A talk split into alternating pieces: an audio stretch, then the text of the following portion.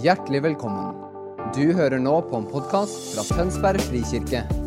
Talen er tatt opp på vår gudstjeneste søndag på Brygga i Tønsberg.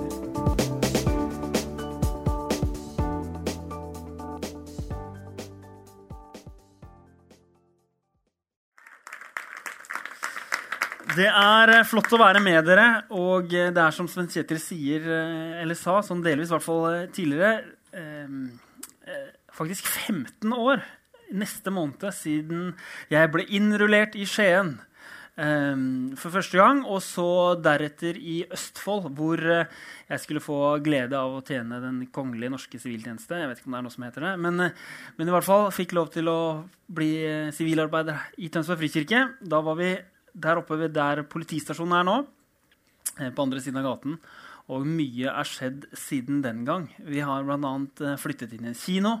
Eh, jeg tror min gamle bestemor ville vært usikker på om det var, eh, var noe som var helt forenlig med, med, med kristen tro som sivilarbeider, men verden har endret seg litt med tiden.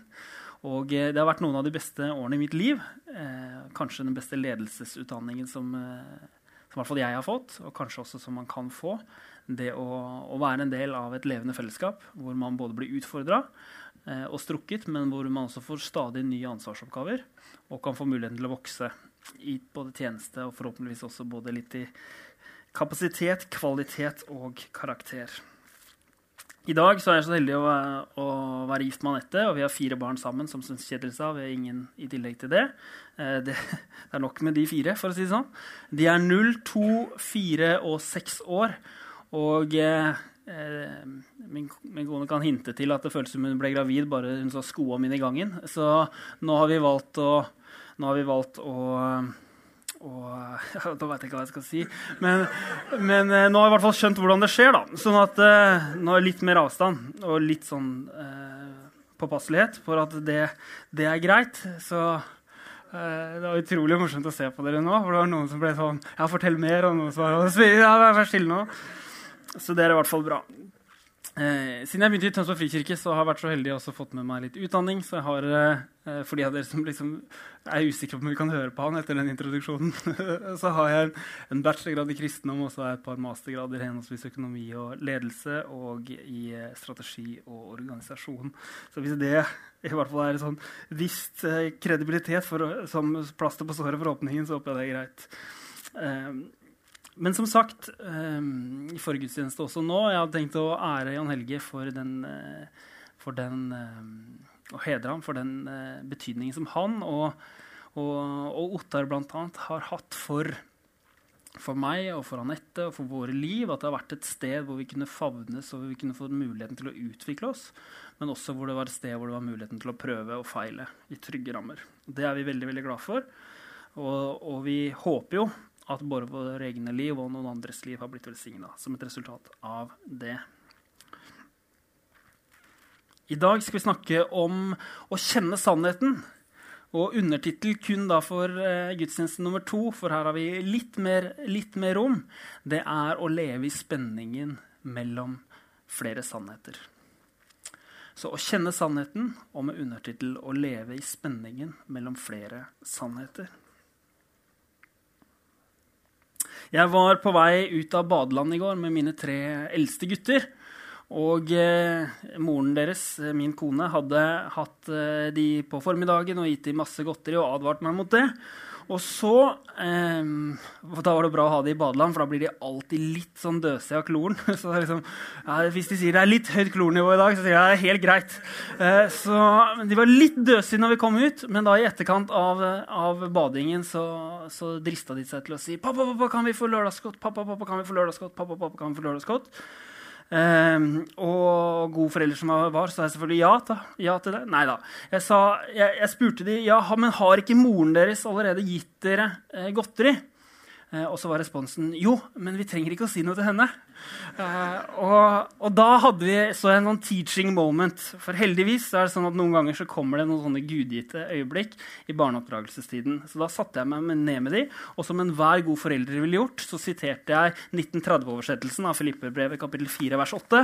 Og der står det som følger For øvrig brødre. Og det passer jo veldig bra, gitt at de alle er, er brødre, så det føles jo som om det var skrevet til dem.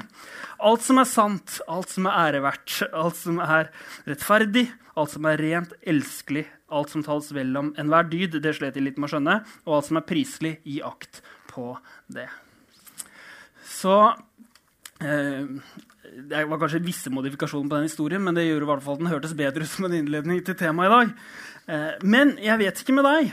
Men innimellom så tenker jeg at det er søtt når små barn eh, har et litt sånn lemfeldig forhold til sannheten. Når de kan dra litt på det, og du spør ja, har du fått eh, godteri, eller eh, hva har mamma sagt? Og du, du, kan liksom se at hele vesen, De sier én ting med munnen, mens hele vesenet deres kommuniserer noe helt annet. Da skjønner man på en måte det man i, i praksis kan kalle en helt klar og tydelig dobbeltkommunikasjon. Eh, og det er på en måte søtt, og det er skjønt. Eh, når, når, det er snakk om små barn. Det er riktignok ikke like skjønt og søtt når det er snakk om voksne mennesker. Og En bekjent av meg han, Um, som jeg møtte for en del år siden, han var født i, uh, i California med kinesiske født foreldre. Og han kom, uh, kom, inn i en amerikansk kultur, men også en del av hans kultur var at han hørte til en kinesisk bakgrunn og tradisjon. Eh, og eh, som en del av det så ville bestemoren invitere ham over til, eh, til, USA, nei, til, over til Kina, til Beijing, hvor han skulle få muligheten da, til å bli kjent med sine slektninger og ikke minst alle venninnene til, til bestemoren. Eh, så han reiste over, satte seg på et fly fra San Francisco til Beijing og eh, ble så introdusert. 1,80 høy, relativt spinkelt bygd. Eh, det høres jo kjent ut. Og så eh, var eh, tiden kommet da han skulle møte alle bestemorens, alle bestemorens venner. Og hun var så stolt og tok ham med fra, fra, dør til dør, fra dør til dør, fra dør til dør. Etter hvert som han gikk der, så var responsen hos alle det var Oh, wow, you're so big! Og neste sted Oh, wow, you're so big! Og det tredje og fjerde femte stedet Oh, wow, you're so big! Og, og, etter hvert som de kom, da, så, klarte han ikke å, å dy seg. Han hvert fall begynte å tenke og si det at Well, it's not that I'm so big, it's that you're so small! Uh, og med det sagt, så, også som en innledning i dag, så har jeg lyst til å dele to perspektiver med dere om dette med sannhet. Det ene er et sjelesorgisk perspektiv som jeg håper kan være med å få betydning for noen på, som kanskje er på et sted hvor du opplever at livet har blitt annerledes enn de løftene eller de, den troen som du hadde at livet kommer til å bli. Kanskje er du der at du opplever at, eh, at kroppen din ikke fungerer sånn som den skal, eller at familien din ikke fungerer sånn som du tenkte at den skulle. Eller kanskje er du da også der at du, du har erfart at vet du hva, livet og de drømmene mine, de tingene som jeg trodde jeg skulle oppnå, det ble dessverre annerledes enn hva jeg hadde sett for meg. Og det ble også mange spørsmål som kom som en konsekvens av det. Og I de situasjonene så er det selvfølgelig veldig krevende hvis det er snakk om personlige ting. Men i den grad man også bringer Gud inn i det aspektet, så kan det fort komme mange spørsmål. Gud, hvordan skal jeg forholde meg til dette? Hvordan skal jeg forholde meg til dette? Ja, men Gud, jeg trodde jo du hadde sagt, Og så videre. Og så osv. Og det er ofte sånn at i spenningen mellom løftet på den ene siden og fyllelsen på den andre, så er det nå en gang at det er en prosess, og det ønsker jeg å snakke litt om i dag. For det er lett at vi i sammenhenger sånn som vi er en del av her, hvor vi ønsker å, å ha tro for at Gud kan gjøre det mulig, at vi ønsker å ha tro for at Gud skal kunne være med å gripe inn. At vi skal, som enkelte sier, leve fra seier til seier eller fra herlighet til herlighet. Så er det sant. Men det er også en del av sannheten at Jesus idet han gikk fra herlighet ved Faderens høyre hånd til han var tilbake igjen i herlighet ved Faderens høyre hånd, så måtte han gå gjennom en prosess som også innebar et, et kors. En fornedrelse. Ja, noen av de, de største nederlagene som et menneske ja, som kanskje vi kan, kan, tenke oss, nemlig å dø og bli ikke bare korsfestet, men å bli fullstendig avkledd og henrettet drept ved det største og verste torturinstrumentet som, som historien har sett, nemlig et kors. Så Det er den ene dimensjonen. At i disse perspektivene Så er den andre dimensjonen er at jeg tror samtidig at Gud også har lyst til å kunne gi oss et perspektiv av ansvarlighet, av myndiggjøring, når vi snakker om dette med sannhet og sannheter. Så dere er heldige. Det siste perspektivet det fikk ikke de som var her før i dag. Eh, så får dere glede dere over det, forhåpentligvis. Og ja, jeg skal passe på tida. Helt greit. Der. Ok, så vi, vi kjører på. Så um, da da jeg startet ut min tjeneste, så hadde jeg enorme drømmer og ambisjoner om både hva arbeidet som vi skulle være en del av, kunne få betydning, og ikke minst også hva mitt eget liv skulle få av betydning. Kanskje det er noen av dere som kjenner dere igjen, som har noen drømmer eller som har hørt noen, noen ord eller noen budskap fra, som har vært sagt i riktig tid, som har opplevd som en, en hilsen fra himmelen, men som kanskje et eller annet sted på veien så opplever du at livet ditt har blitt annerledes. Min erfaring er det at at gjennom disse situasjonene og i disse spørsmålene så, så har det opp, oppleves det at det har vært en spenning mellom det som jeg tror på den ene siden som jeg ønsker å strekke meg etter, og det livet erfarer på den andre. Om det kan være så enkelt som at uh, man drar på vei til kirken og skal få alle disse liksom, kattene inn i bilen, uh, guttene inn i bilen, og, skal prøve å få de til å liksom, komme på, på Kids, hvor vi skal lære om lære om, om Gud. Eh, og så smeller det skikkelig fra far. i det skal gå. Ja, men kom igjen, da! Ærlig talt, gutter, er det mulig? Kom igjen, Nå skal vi til kirken og skal vi ha det kjempehyggelig. Og så kan man kanskje sitte i kirken og tenke at er det mulig å gå på det nederlaget? Og så hører man hva barna har lært om etter de kom ned fra Kids. Og så, ja, hva var temaet i dag? Ja? Nei, det var om åndsfrukter, om takknemlighet, glede. Ja, det er fantastisk. altså Takk, Jesus, at vi trenger all den hjelpen vi kan få.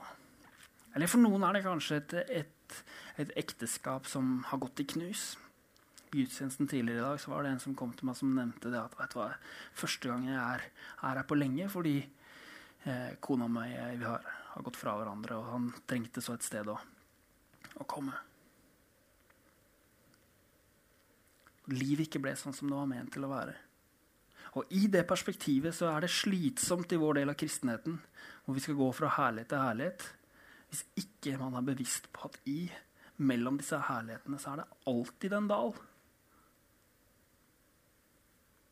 Nå syns jeg du var veldig negativ, Stokke. Det er som å si at det kommer til å regne. Ja, det kommer til å regne. Jeg er ikke negativ, jeg bare sier ta med en paraply. Henger dere med? Mange av dere som er her nå, er på mange måter på starten av livet deres. Hvor du har fått noen ord fra Gud, fått noen drømmer, og hvor stort sett alltid har fått høre at vet du hva, ingenting er umulig for Gud. Ingenting er umulig for deg. Du kan gjøre alt hva du vil. Vi peprer barna våre med at ja, dette er klart du kan det, klart du kan det, men sannsynligheten for at de blir middelmådige, er ganske høy. Og hvis vi i den prosessen ikke har forberedt dem på at livet defineres som suksess, ikke av at man når alle drømmene sine, men ved at man hver eneste dag lever livet på en måte som, man, som gjør at menneskene rundt en har det bra, og at man gjør det beste med det man har fått, så setter vi folk opp for fall og nederlag istedenfor at vi utfordrer dem til å bli ansvarlige mennesker. I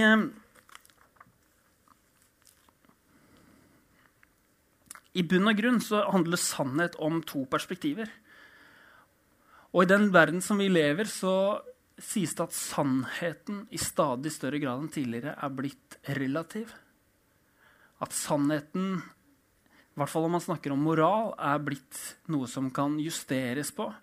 Det som for fem eller ti år siden, eller i hvert fall for 20 eller 25 år siden var sett på som, en, som noe som var helt uh, helt utenkelig å gjøre hvis man ønsket å følge Jesus, er i dag blitt mer liksom Fifty Shades of Grey. At det er arealer og områder som, som er stort sett er blitt Ja, det kan godt være, og det kan godt hende at det er tilfellet for deg. Men likevel, og du kjenner din situasjon, så er nyansene av grå blitt mange flere etter hvert som årene går. Kanskje er det bare at man flytter de over på nye områder. Men tydelighet og sannhet som, en, som noe man kan basere livet sitt på, den er det mer krevende å vite hvordan man skal håndtere. I bibelsk kontekst så sier Jesus at 'jeg er veien, jeg er sannheten og jeg er livet'. Og Han sier dermed at sannheten ikke bare blir et spørsmål om moral, eller at sannheten blir et spørsmål eh, om vitenskapelig hva som er rett eller galt, men at sannheten blir en person. Og Derfor ble det sånn som det ble, i hvert fall ble for meg i en av mine største daler i mitt liv. Jeg var rundet 20, 21, 22 år og opplevde at eh, plutselig det ble veldig mange spørsmål i livet. Og jeg som stort sett hadde vært en, en, en kar som i hvert fall ønsket å ha svarene, erfarte det at det ble plutselig mange spørsmål som ikke jeg hadde svar på. Om, ikke om nødvendigvis om Gud fantes eller ikke, men definitivt om hva han egentlig mente om den situasjonen jeg var i. Definitivt om hvilke tanker han hadde om meg. Og for å være ærlig, noen ganger så var jeg også usikker på om det kan godt hende at du er er Gud, og selvfølgelig er du det. Det er ikke det jeg eventuelt tviler på. Men jeg har litt problemer med å se hvor aktiv du har vært i det siste når det kommer til meg. Kanskje er det flere her som også har vært i en sånn situasjon. Eller så vil jeg i hvert fall garantere, ikke som et anekdotisk bevis liksom for å pushe deg inn i at du må bare forvente at det kommer til å bli nederlag, men jeg har likevel lyst til å forberede deg på at som regel så er det sånn at det vi ser på som et perspektiv hvor Gud skal ta oss inn i nye faser, som regel så er det sånn at han som en del av det også ønsker å ta oss gjennom noen prosesser, sånn at røttene våre funderes dypt. Og da er det ofte et aspekt av motstand som også er en del av situasjonen. Ja, men Vi skal jo fly som ørner og sveve som de, og vet du hva, det er helt sant. Men jeg har lyst til også å, å ta med oss bare litt dypere i nettopp det bildet. Det er sant at vi skal fly som ørner, at vi skal sveve, og at vi skal kunne sveve på oppdrift. Men tenk deg situasjonen på disse ørneungene, hvordan de opplevde situasjonen idet de var fostret opp og moren hadde gitt dem mat. Dag etter dag, dag etter dag, dag etter dag. Og så var tiden kommet. Hvor moren begynte å trekke maten tilbake igjen, hvor de ikke fikk det samme. Hvor de begynte å forberede for at de skulle pushe ut på neste, sånn at de selv skulle få muligheten til å fly. Hvordan tror du det oppleves for disse ørnungene? Kanskje et banalt eksempel, men hvordan tror du de opplever at det er å bli dyttet ut for redet? Tenk deg alle de spørsmålene som kom. Tenk deg alle de situasjonene som de som de begynte å undre. Kjære tid, hva er det som skjer her? Gud, er du ikke med meg? Mor, hva er det du gjør? Men på samme måte så er det faktisk en forutsetning for at de skulle kunne lære å fly, er at de faktisk blir dyttet utenfor det som er ukomfortabelt. Og på samme måte er det i den kristne tro, jeg tør å si det med ganske stor frimodighet, så er det at de tingene som Gud kommer til, de menneskene som Gud kommer til å virkelig bruke stort her i livet, har han også vært med å utfordre skikkelig i andre faser. De aller fleste, fleste har erfart at de må gå på noen nederlag for å virkelig kjenne dybden i, takknemligheten for og vissheten om at uten Gud så har jeg ingenting. Billy Graham sa en gang 'Never trust a man who doesn't walk a, who doesn't walk with a limb'. Altså, litt fritt oversatt, stol ikke på en person som ikke halter idet den går, med overført betydning tilbake til den gamle testamentlige fortellingen.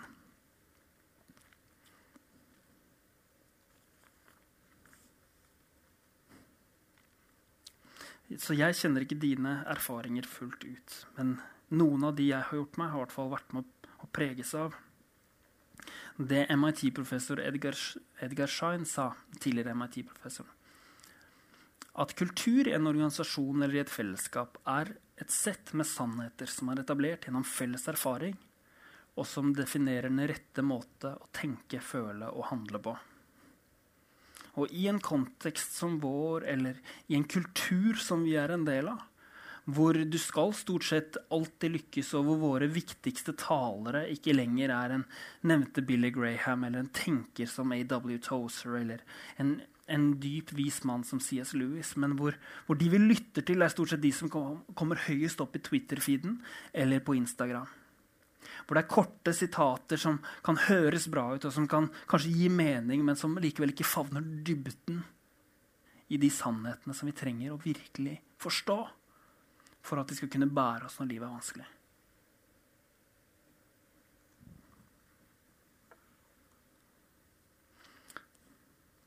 Så dermed blir faren at vår kultur kan bli grunn. Fordi vi lever i en verden som er relativt overfladisk. Som ikke forventer eller som forbereder oss på at livet kommer til å bli krevende. Nå er du veldig negativ, Kristoffer. Jeg mener ikke å være negativ, jeg prøver bare å forberede at livet kommer til å skje. Tidligere i dag var vi så heldige å få lov til å be for Amalie Berling, som er datteren til Vegard og Johanne, som noen av dere kanskje kjenner. Og de er begge eh, som par og som familie en del av bibelgruppa som vi er en del av.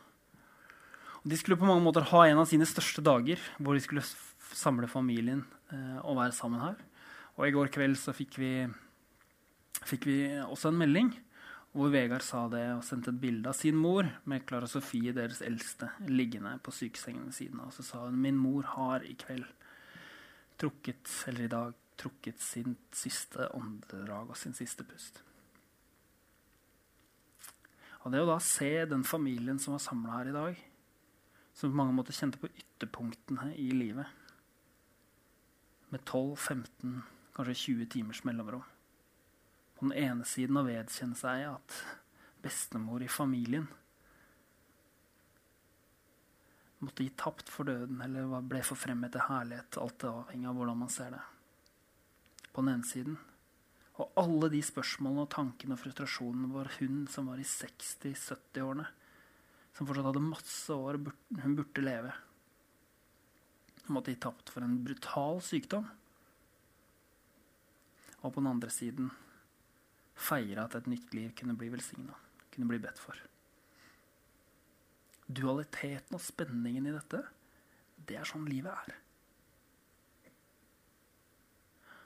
Og hvis Gud har utfordret deg til å få en betydning i sitt rike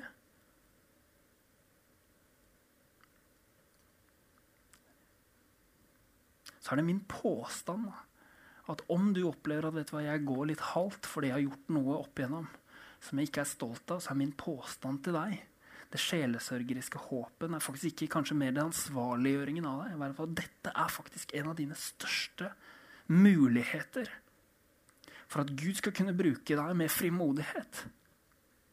For på samme måte som idet Moses kom ned med steintavlene første gang Og de hadde allerede lagd et, lagd, ikke tempel, men de hadde lagd en avgudsdyrkelse nederst. Hvem var det som ble forfremmet til å bli høyesteprest i etterkanten idet de skulle gå inn i Egypt. Og det var han som hadde ledet allgudsdyrkelsen. Hvorfor var det sånn?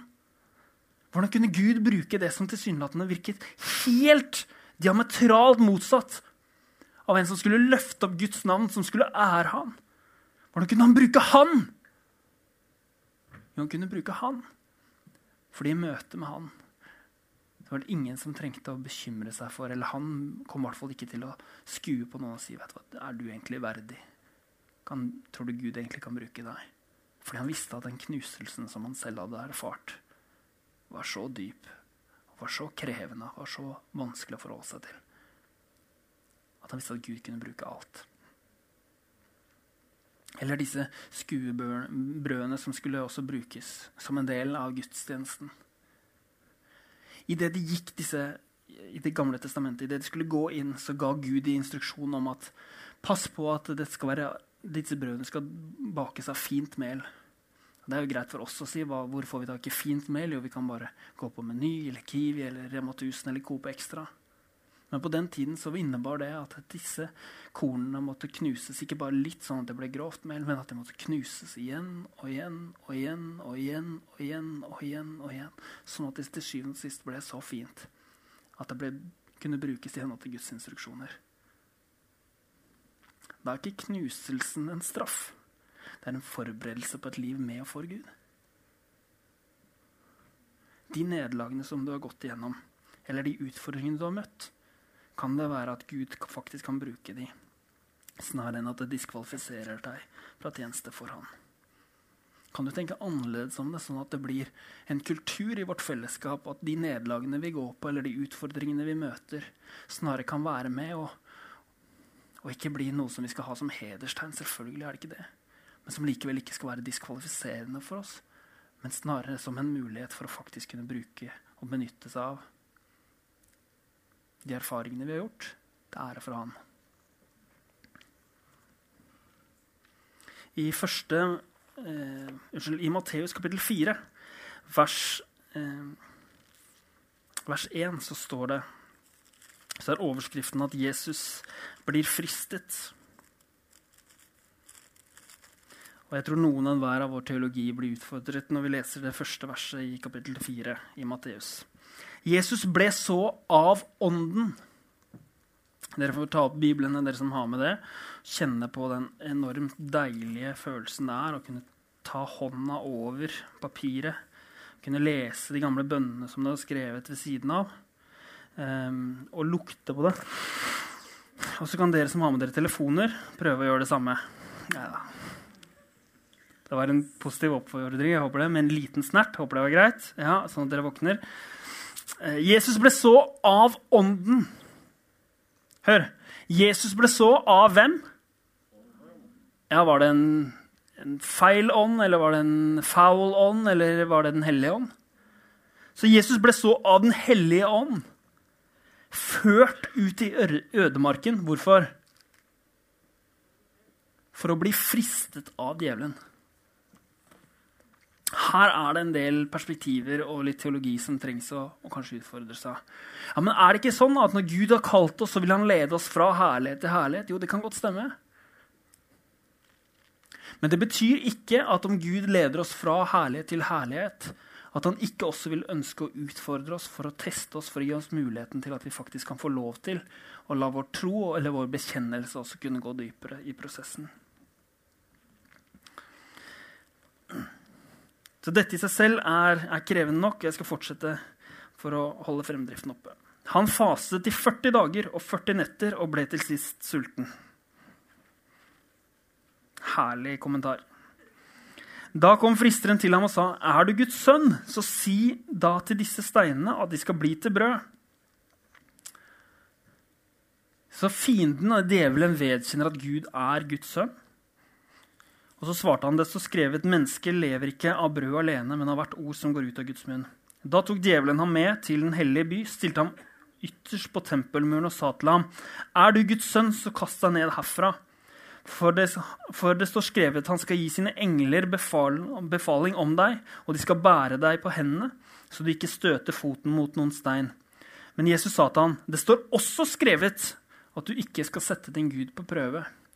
Legg merke til hva som skjer her.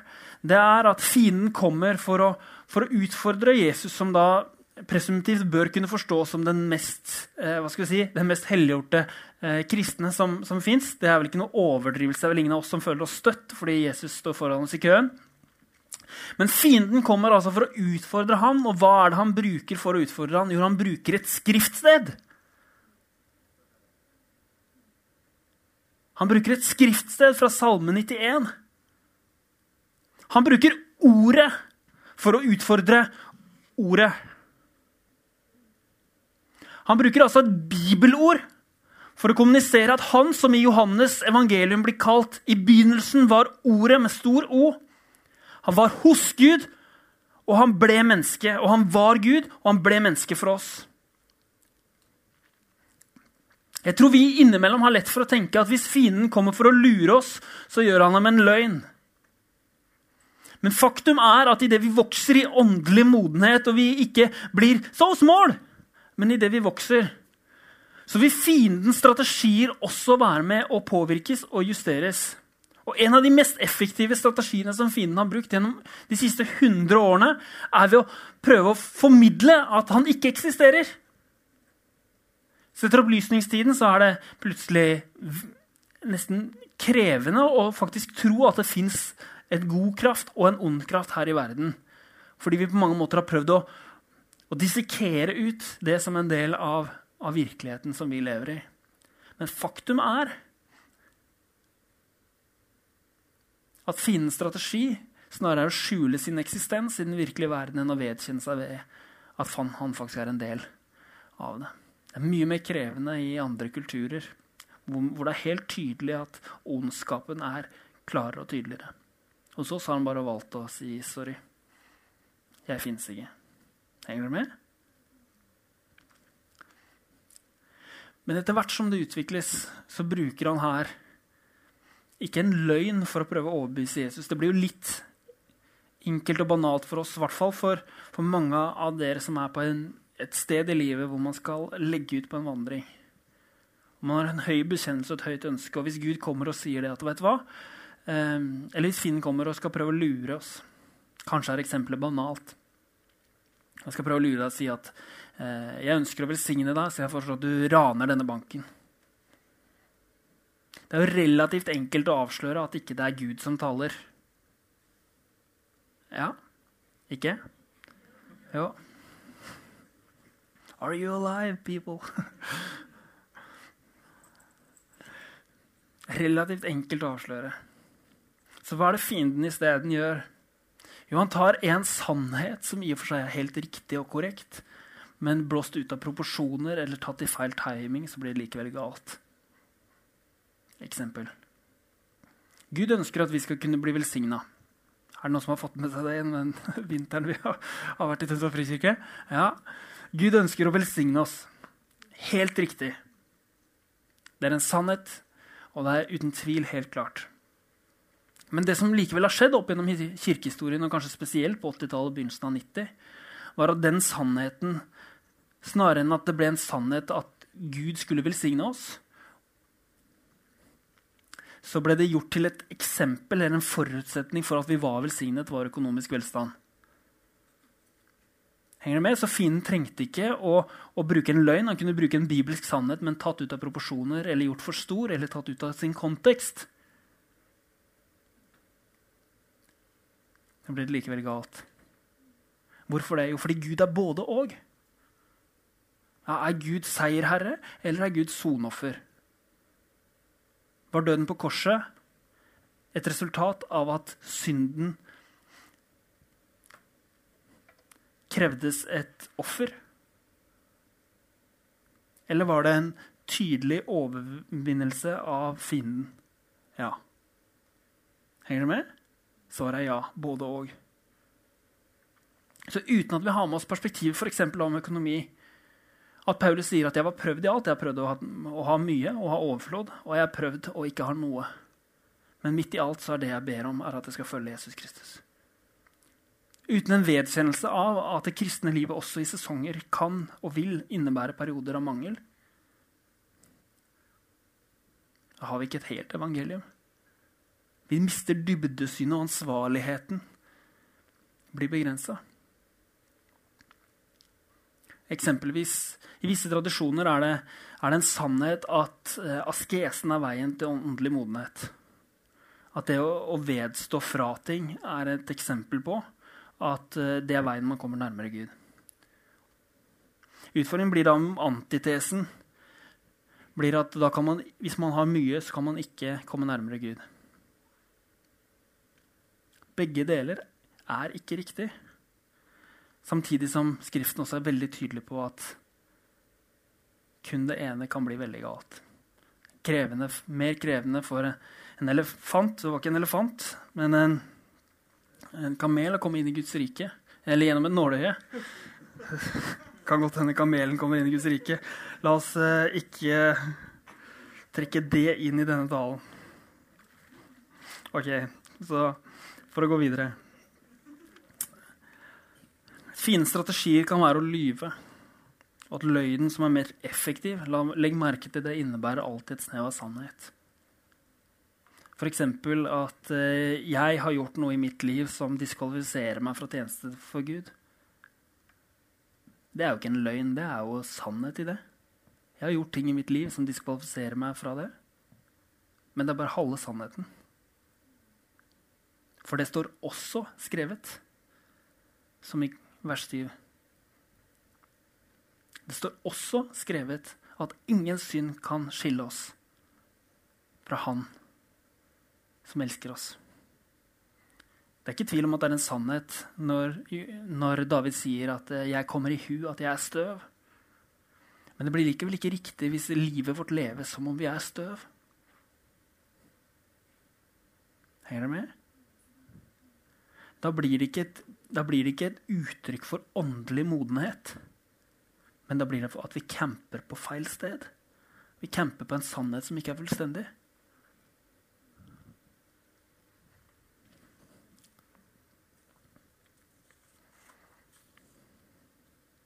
Påstander som fremstår som motsetninger, kan være sanne, men timingen kan avgjøre hva som er mest sant. og, og jeg, jeg, hører at, jeg sånn, eh, at det kan høres litt skrullete ut, men jeg håper dere skjønner at det er faktisk bibelsk. Når Jesus i Matteus først kan si det at eh, 'gå ikke fortell dette til noen', det, som, det miraklet jeg nettopp har gjort. Og Så går det tre kapitler, og så forteller han 'gå ut og fortell hele verden'. Henger dere med? Da er det ikke et uttrykk for at han har skifta mening, og at han har litt sånn schizofreni-tendenser. Det er bare et uttrykk for at en sannhet er en sannhet. Men det som definerer hva som er mest sant, er hva stemmen som skaper virkeligheten og situasjonen, og som kjenner tiden, puster på. Forskjellen og modenheten da, i kristen kontekst innebærer at vi må lære oss å vedkjenne oss at Gud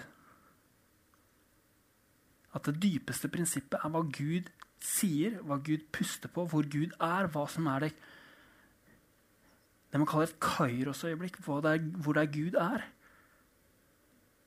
Snarere enn delte sannheter som kan la oss forvirre til å virke som motsetninger. Og Gud ønsker en fordypning i livene våre, sånn at vi kan stå med dypere røtter. Så avslutningsvis Før det. I våre liv er det noen ganger riktig kunnskap som er avgjørende. Vi må få informasjon om hva vi skal gjøre. Men min erfaring er at vi altfor ofte stopper vi ikke med hva vi skal gjøre, fordi vi ikke vet hva vi skal gjøre, men at vi ikke gjør de tingene vi vet. Jeg tror at etter hvert som vi modnes i kristen tro, så er fiendens strategi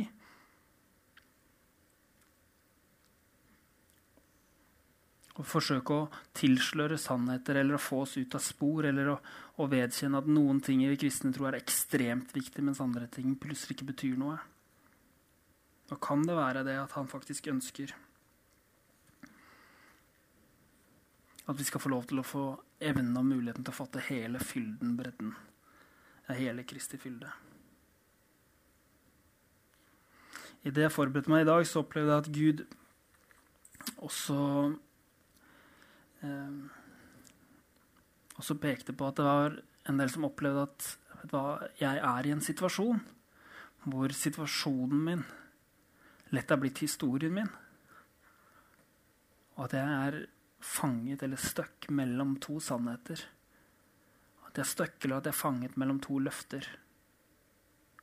At jeg er stuck eller at jeg er fanget mellom det som er sant på den ene siden, men som jeg likevel ikke fullt ut erfarer eller at jeg er stuck, eller at jeg kan være fanget av noe som er delvis komplett.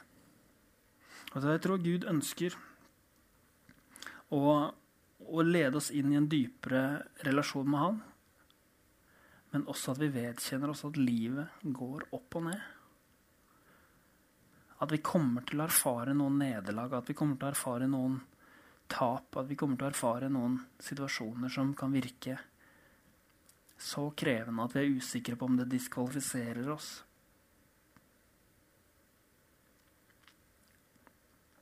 Men sannheten er at hvis du leser gjennom denne boken her, så er det fullt av historier som kunne vært nevnt opp med situasjoner, handlinger og reaksjoner som kunne diskvalifisert veldig, veldig, veldig mange. Men så er det likevel også skrevet at det står også skrevet at det er full gjenopprettelse. At det er fullstendig frihet. At om man har erfart nederlag, så er ikke det slutten på historien. Men det kan være begynnelsen på neste kapittel.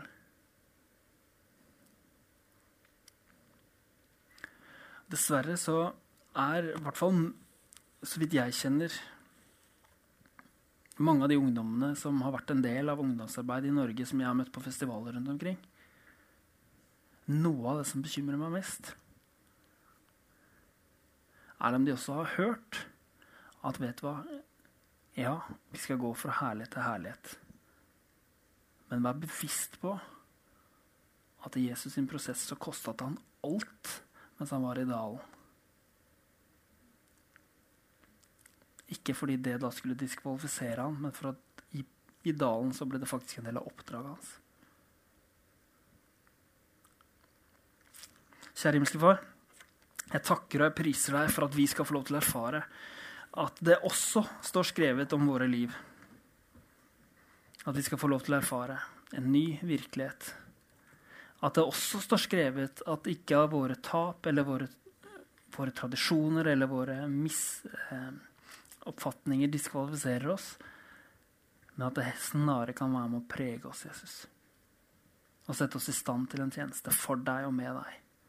Og gode himmelske Far, jeg takker deg for at du ikke har lovet oss et liv hvor det bare går fra seier til seier, og du er borte i prosessen imellom, men at du har lovet at du går med hvert skritt, hvert trinn, og at du som er sannhet, også trer fram når vi erfarer nederlag. Far, jeg takker deg for at sånn som det var for meg, Gud, når alle spørsmålene ble store og, og det ble utfordrende, Gud så var det ikke det at du ga meg alle svarene, men at du viste at du var nok. Og at ansiktet som kom gjennom disse svarene i møte med ditt ord og i møte med mennesker som elsket deg, Jesus At det var tilstrekkelig, at det var nok. I Jesu Kristi navn, takk for din nåde. Takk for din gjenopprettelse og godhet. Gud. Vi elsker deg. Se livene våre, Gud, og bruk til å lede oss videre. I ansvarlighet, sånn at vi kan vokse til modenhet i deg. Gjennom alle utfordringene vi møter. Men også at vi aldri glemmer at ingenting kan skille oss fra din nåde, fra din sannhet og at du er sannhet. Amen.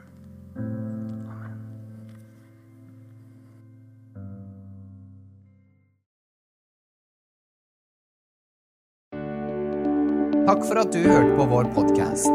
Har du spørsmål eller ønsker du å vite mer? Søk oss på vår nettside tonsbergfrikirke.no. Du er også velkommen til kirke på Brygga i Tønsberg.